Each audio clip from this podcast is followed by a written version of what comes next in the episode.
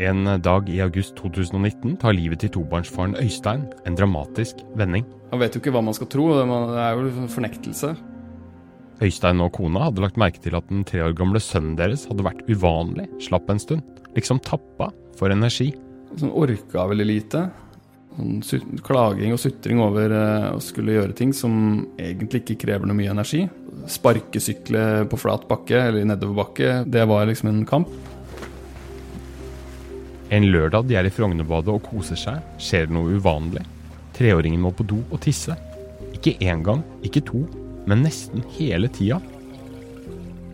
Øystein og kona, som begge jobber i helsevesenet, får en mistanke. Det lyser noen varsellamper når du er slapp og tisser hele tida og osv. De drar på apoteket og kjøper en test. Og så fikk det jo fullt utslag på sukker, da.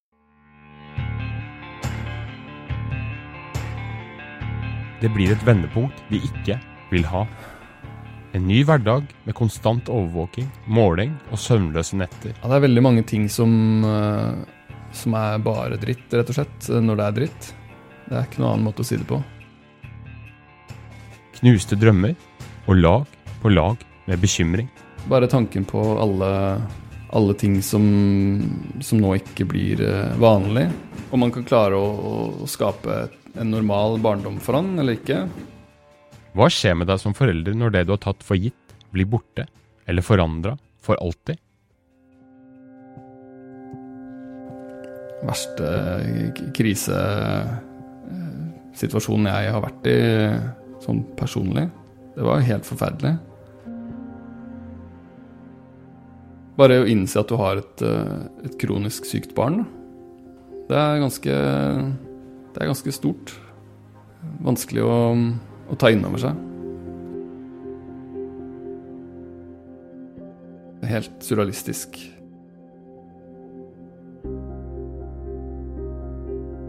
I dagens episode av Foreldrekoden skal vi snakke om barn det er noe ekstra med. Om det er ADHD, en funksjonsnedsettelse, eller som i Øysteins og sønnens tilfelle, diabetes. Og det høres kanskje ut som jeg maler med veldig bred pensel her, og situasjonene vil være veldig ulike, men det finnes likevel noen allmenne problemstillinger. Hva krever det av foreldrerollen å ha et barn med en diagnose? Hvordan innretter man oppdragelsen? Og hva trenger de av omgivelsene rundt? Og hvordan skal man leve sine liv, finne lys og håp i tunge stunder?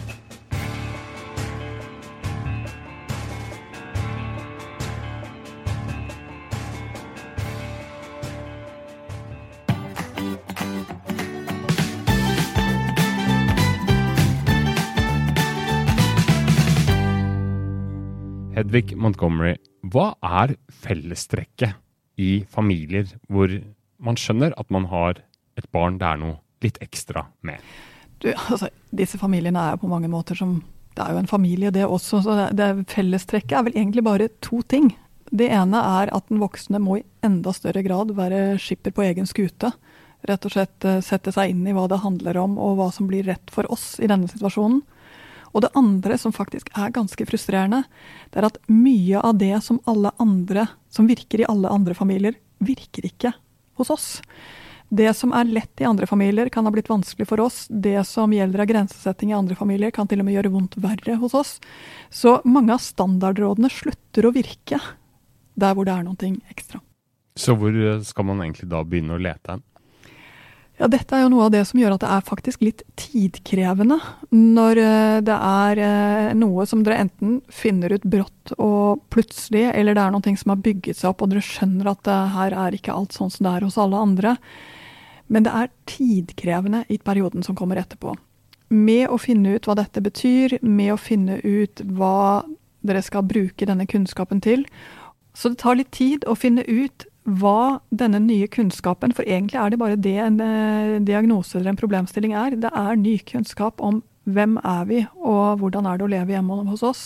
Det tar litt tid å finne ut hva den kunnskapen skal gjøre med oss som familie.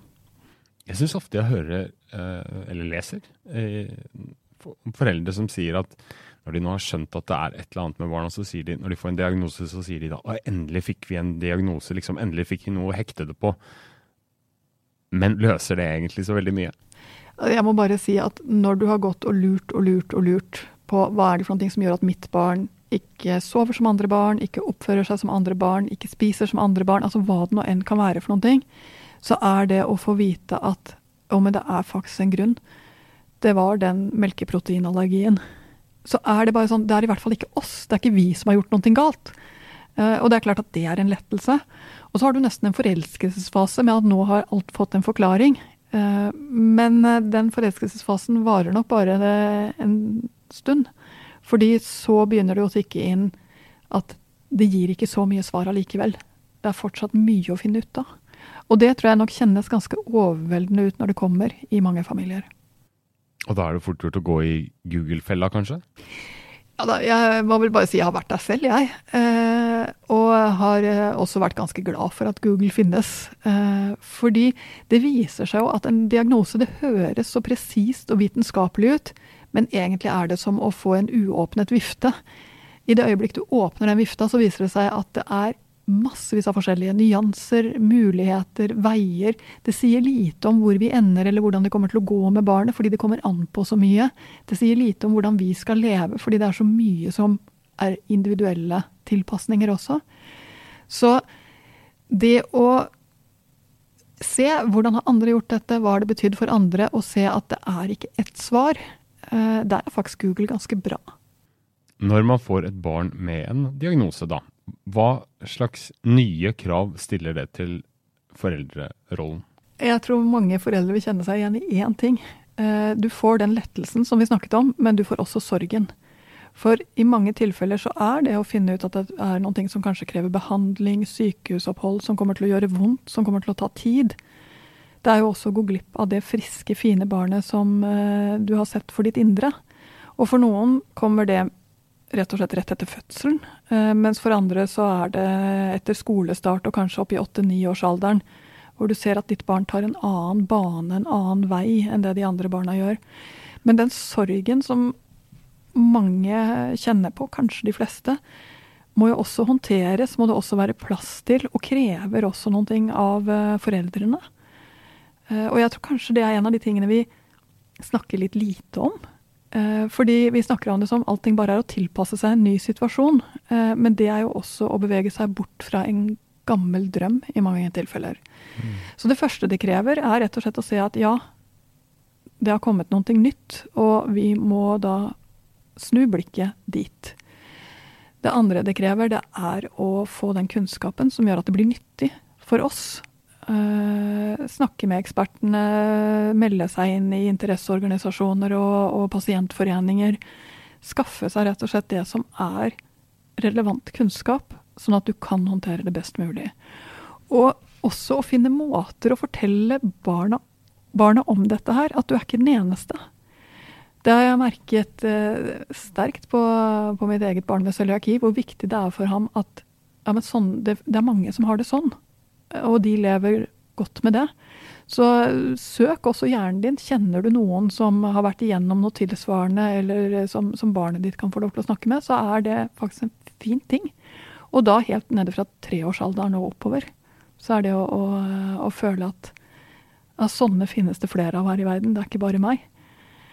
Um, så tror jeg også at det, stiller litt krav til familien om å orke å ikke la dette ta hele plassen, dvs. Si snakke om det hele tiden. Men også å snakke om det, altså ikke gjøre det til noe tabubelagt eller skammelig. Og dette høres kanskje rart ut i våre dager, men det er ikke veldig lenge siden f.eks. kreft ble sett på som noe som man ikke skulle snakke om fordi det var skammelig. Det å ha en sykdom eh, som diabetes ble sett på som om det var noe flaut. Eh, som ikke kunne fortelles om, og som man måtte holde innenfor hjemmets fire vegger. Jeg tror vi skal være veldig klar over at det å pålegge barn å holde viktige ting hemmelig, er noe av det vondeste vi kan gjøre mot barn. Sånn at vi må finne ord, finne en måte å dele det på som gjør at, uh, at uh, det er noe å forstå. Og det betyr også at barnet trenger å vite nok om sin egen diagnose til at det går an å fortelle andre om den. Det er jo også en balanse her om i hvilken grad skal man gå i en sånn i et sånn sykeliggjøringsspor, og hvilken grad skal man på en måte være prøve å være så normal som mulig, da. Det kommer an på. Altså det, en del sykdommer er jo forbigående. Mm. Uh, la oss f.eks. si at barnet ditt har fått en kreftdiagnose, så er det en behandlingsløp som skal legges opp. Uh, og det jeg merker er veldig godt for barna da, det er å få litt sånn hjelp til å notere ned, til å huske det som skjer, eh, og til å lage seg en hverdag midt oppi alt dette unormale. Også fordi de lett glemmer det når perioden er over. Det er akkurat som det blir litt spesielt i noen aldre, blir det nesten litt sånn strøket ut av hukommelsen deres. Men det å ha et svart hull i hukommelsen sin er ikke så lett å leve med det heller. Så det å, finne denne normaliteten i det nye og i dette som faktisk ikke skal vare for alltid, det er én ting. For barn som får en kronisk lidelse, får påvist en kronisk lidelse, så er det jo noen ting de faktisk skal leve med resten av livet. Det vil si at det blir en del av identiteten men merk deg det jeg sier, en del av. Mm. Fordi du er aldri din diagnose, du er aldri din sykdom. Du er deg selv. Og så er det noen som må leve med ekstra tilpasninger som andre slipper. Men det er det diagnosen er. Den er ikke identiteten. Ja, hvordan skal man unngå å, at den følelsen av annerledeshet blir eh, forsterka, og, og, det som du sier, at man, man blir sin diagnose?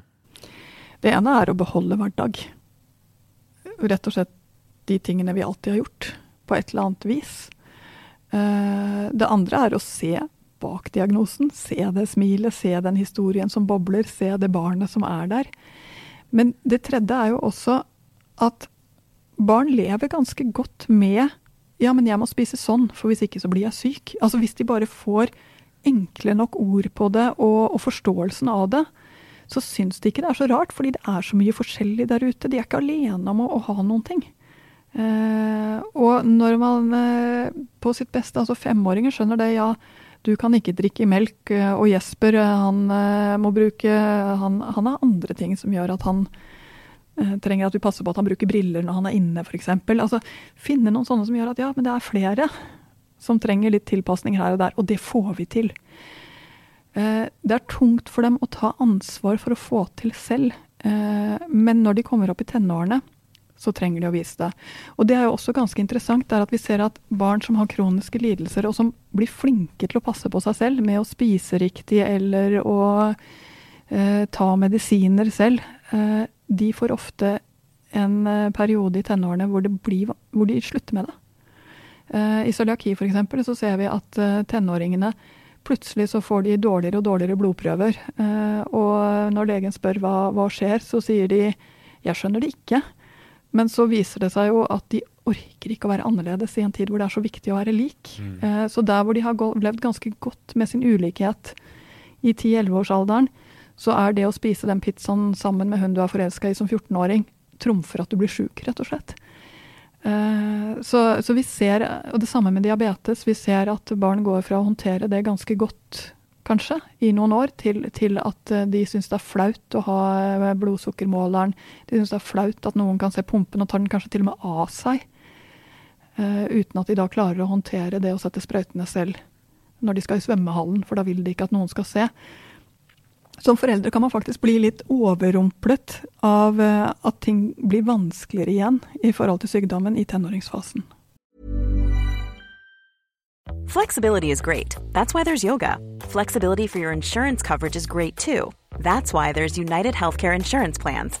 Underwritten by Golden Rule Insurance Company, United Healthcare Insurance Plans offer flexible, budget friendly coverage for medical, vision, dental, and more. One of these plans may be right for you if you're, say, between jobs, coming off your parents' plan, turning a side hustle into a full hustle, or even missed open enrollment. Want more flexibility? Find out more about United Healthcare Insurance Plans at uh1.com. I familier hvor det er en barn med en eller annen form for diagnose, så fører det vel lett til at dette barnet får veldig mye oppmerksomhet. Dels fordi det krever det, men dels også fordi at oppmerksomheten kanskje automatisk blir retta mot uh, dette barnet. Men så kan det jo være søsken i bildet. Og hvordan skal man liksom balansere og sørge for at uh, det blir nok til alle, likt til alle? Men det er kanskje ikke mulig å få det helt likt, da. Likt til alle, skulle jeg jo ønske at jeg bare kunne nikke til. Men jeg tror at hos søsken så er det noen ting som gjelder. Det ene er forståelsen, altså hva det dette handler om.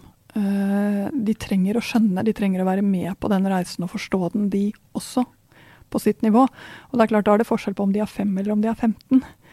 Eh, men søsken lever veldig sterkt med hverandre og har veldig behov for å, å forstå hva er det for noe som skjer. Eh, det andre det er de trenger de der små pausene alene med en av, sine, med en av de voksne. De trenger rett og slett uh, den kinoturen eller den turen på fotballbanen hvor de er alenebarn. Så det betyr at det å ha et barn det er noe med, det fører til veldig mye mer arbeid. Ikke bare i forhold til det barnet, men også at du må huske på alenetiden til søsknene for at det hele skal gå opp. Og nei, det trengs ikke så kjempemye, men det trengs. Så må jeg også si at uh, for meg var det nok en aha-opplevelse å se hvordan søskenkrangelen ble helt stille, ble helt borte, uh, da jeg fikk et barn som var sykt. Uh, og jeg kan fortsatt huske min glede da jeg for første gangen hørte en knyttneve som for gjennom luften. Fordi det var det, det første beviset på at han faktisk var sterk nok til å bli sett på som et ordentlig søsken igjen, til å bli en verdig motstander. Som rett og slett var et tegn på at nå går det bedre. Mm. Så, så, hele balansen og hele dynamikken endrer seg veldig kraftig i familien eh, når et barn blir sykt. Og du skal Jeg tror nok nesten du må ha vært i den situasjonen selv for å skjønne hvor utmattende det er å stå i det som voksen. Fordi det er du som voksen som skal balansere det opp, få det til å gå rundt, få det til å være en slags hverdag. Få barn som føler seg sett og hørt. Få den som eh, ikke kan ta og forsvare sin plass til eh, å få sin plass, men også få den som da gir fra seg mye plass, til å føle seg vel og ikke føle seg mindreverdig. Så det er, eh, det er en utmattende øvelse, særlig i starten, å stå i noe slikt. Og jeg tror kanskje det er Jeg traff en gang en mor med en gutt som hadde en kraftig ADHD. og hun, eh, jeg husker at hun fortalte meg at de hadde vært på en feriereise på et sånt sted hvor det fantes det er sånne sykler uh, som man uh, kan ha passasjerer på, som sitter mm. inni en sånn mm. vogn. Uh, og da var denne gutten og sånn som åtte år, altså han var ganske liten. Og det hadde, altså Hun så bort et øyeblikk, og så syklet han av gårde på en sånn sykkel. fikk det til. lille tassen, men plutselig hadde han kreftene da og stakk av gårde med en slik. Og hun sa sånne ting opplever jo ingen andre foreldre. Eh, fordi åtteåringene kan godt ha lyst til det, men de gjør det jo ikke. Men plutselig så har du et barn som bare gjør det. Mm. Eh, og, og, den Å hele tiden være på vakt, hele tiden passe på den ensomheten i det, og blikket fra de andre foreldrene. Og hun fortalte hvordan det brant i henne at de andre foreldrene så på henne som hun med den som ikke hadde klart å oppdra barnet sitt bedre. Når hun jo vet at det er faktisk ikke det det handler om. Uh, og jeg husker at den der satt i meg, og, og er nok noen ting som illustrerer den der opplevelsen av at andre foreldre dømmer en ganske hardt når man har barn som ikke oppfører seg riktig av en eller annen grunn, som trenger mer trøst, som sutrer mer, eller som gjør uventede ting. Og som også trenger det motsatte av det andre barn trenger. For andre barn kan godt bli rettesatt og, og få kjeft, og det vil hjelpe. Men her får vi jo ikke noe hjelp av det. Her er jo det eneste som hjelper, er jo å få hanket inn gutten og få tilbake kontakten og få dagen til å gå videre. Det er noe annet som trengs. Hvilke ansvar har omgivelsene, f.eks. For foreldre til barn som ikke har noen diagnoser, eh, i møte med barn og foreldre, da? Med f.eks. ADHD, hvor barna utagerer, hvor det er fristende kanskje å tenke at er det gått noe gærent i barneoppdragelsen? Jeg tror vi alle foreldre har mye å gå på med å være litt rausere mot hverandre. Med å være mindre dømmende og mindre eh, sikre på at vi hadde håndtert det bedre. Fordi det er det faktisk ikke sikkert at vi hadde. Så når det er et barn som blir ustabilt, som reagerer eh, ekstra når han eller hun blir sliten, som eh, kollapser mer, så trenger faktisk eh, de foreldrene som står og skal håndtere det, at de andre foreldrene nikker til dem. Ikke eh, får det dømmende blikket. Og skulle jeg ønsket meg én ting, så er det vel nettopp at vi foreldre var flinke til å nikke til den som sto til knes i noe som var litt vanskelig, istedenfor at det får de foreldrene som ikke står til knes, til å bare føle seg bra og dermed litt overlegne. Mm. Fordi det er ikke noen ting å være overlegen for. Du hadde sannsynligvis håndtert det nøyaktig like godt eller dårlig. Du har både snakka og skrevet mye om eh, det du kaller båndet mellom foreldre og barn. Og det er en mamma som eh, følger opp dette her i et spørsmål til oss. Hun sikter da til eh, foreldre med barn med diagnoser der det er mye sinne og slitenhet involvert, og risiko for slitasje på dette båndet, som hun skriver. Og Så spør hun har du noen gode tips for hvordan være en god forelder, unngå å slite på båndet og vise barna at man liker det og elsker det, selv om man kanskje ikke liker utfordringene man står i. Ja, vi velger jo ikke hvilke utfordringer vi står i. Vi får jo tildelt, rett og slett. Eh, og det er ingen tvil om at noen foreldre får tildelt mye mer utfordringer enn det andre får. Jeg tror jo at når det er noen ting som gjør at du bekymrer deg ekstra, så sliter bekymring på båndet. Når du er ekstra frustrert, så, så sliter frustrasjonen på båndet. Når du er ekstra mye sint fordi det er invaderende og for mye, så sliter sinnet på båndet. Så mange vil nok kjenne på nettopp det som mammaen her skriver på, at det er så mye som sliter på det båndet. Men vær også klar over at de øyeblikkene hvor du strekker ut hånden og smiler til barnet ditt og sier hei, er faktisk med på å styrke opp dette båndet igjen. Så de øyeblikkene hvor det sklir, betyr kanskje enda mer. Eh, og skal vi kanskje være enda flinkere til å skrive ned og notere oss når det er noe som, eh, som utfordrer på denne måten.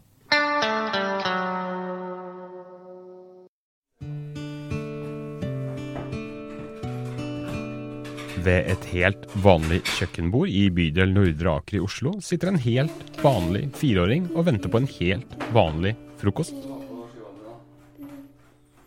Gulost. Så går pappa Øystein og finner mobilen. Og podden min. Podden er ikke en iPod, men det er fjernkontrollen til Omnipoden. Og Omnipod er insulinpumpa som er festa på fireåringens kropp. På huden har han også en sensor som kontinuerlig måler blodsukkeret i kroppen. Sånn. Hver gang han spiser, må pappa Øystein lese av blodsukkernivå, beregne jeg. og tilføre riktig mengde insulin. Og det Det er ikke alltid så lett med barn. De kan jo virke som de er veldig sultne, og så spiser de bare en bit. Men du, hva er det som skjer med den skiva di nå, egentlig?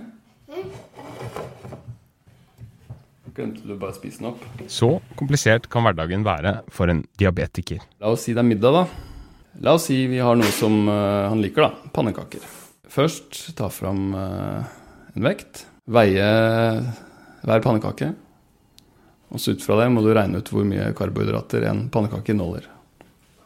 Og så må man eh, holde tritt på hvor mange pannekaker han faktisk spiser. Og så sette insulin etter beste evne for det.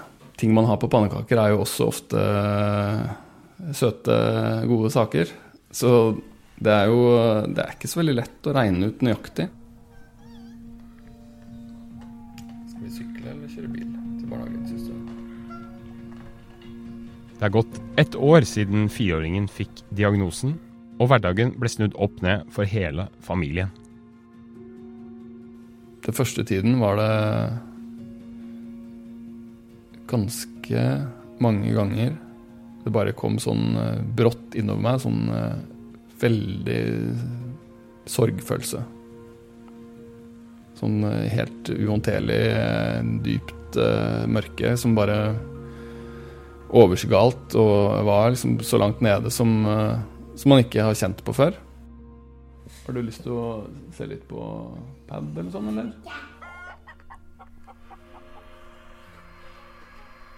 Mens sønnen tar en pause med sauen Sean på iPad, legger ikke pappa Øystein skjul på at hverdagen byr på en del utfordringer.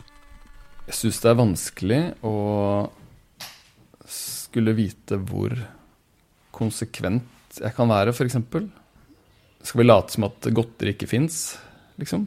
For at det gjør at vår natt blir helt eh, crap, bare. Eh, må stå opp utallige ganger for å gi mer insulin. Og det syns jeg ikke er helt riktig. For, for jeg syns jo at han skal få oppleve å bare være et vanlig barn og ha en normal oppvekst. Og så enn så lenge som vi passer på det, så får det være vårt problem. Ting som er helt vanlige og selvsagte for friske barn, kan bli en stor utfordring for barn med diabetes. Og ikke minst for foreldrene. Det er veldig mange ting man ikke tenker over uh, i det daglige, som hvor barn uh, på en måte kan uh, bare være med på ting, gjøre ting, som, som nå plutselig blir et mye større problem. Da. Barn sover over hos andre, barn er med hjem etter barnehagen eller skolen. De drar og gjør hva som helst sammen med andre. Det betyr jo i realiteten at en av oss alltid må være med på det som skjer. Det er jo Det er så svart-hvitt. Det er jo en eh, Hva skal man si En sorg i det her, altså at, at jeg ikke kan få oppleve bare det å være med noen hjem fra barnehagen, og så kommer vi og henter eh, etterpå hjemme hos de. Det går ikke. Forbausende godt uh, eh, syns jeg han takler det, altså. Det har liksom blitt en del av, av livet hans, bare. Ja, jeg blir overraska liksom, over uh, liksom, hvordan han uttrykker seg rundt det. Og liksom, med den største selvfølge så, så har han uh, insulinpumpe og, og blodsukkersensor. Og ja, selvfølgelig trenger han insulin når han spiser, og det er jo ikke broren, og, og så videre.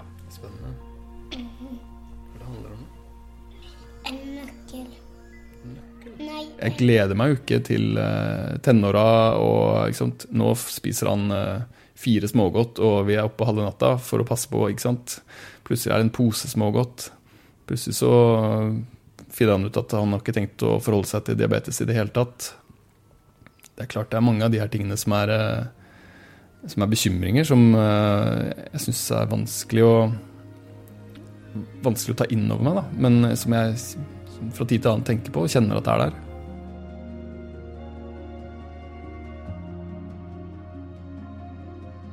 Vi hørte fra en uh, pappa som har en gutt med diagnosen diabetes.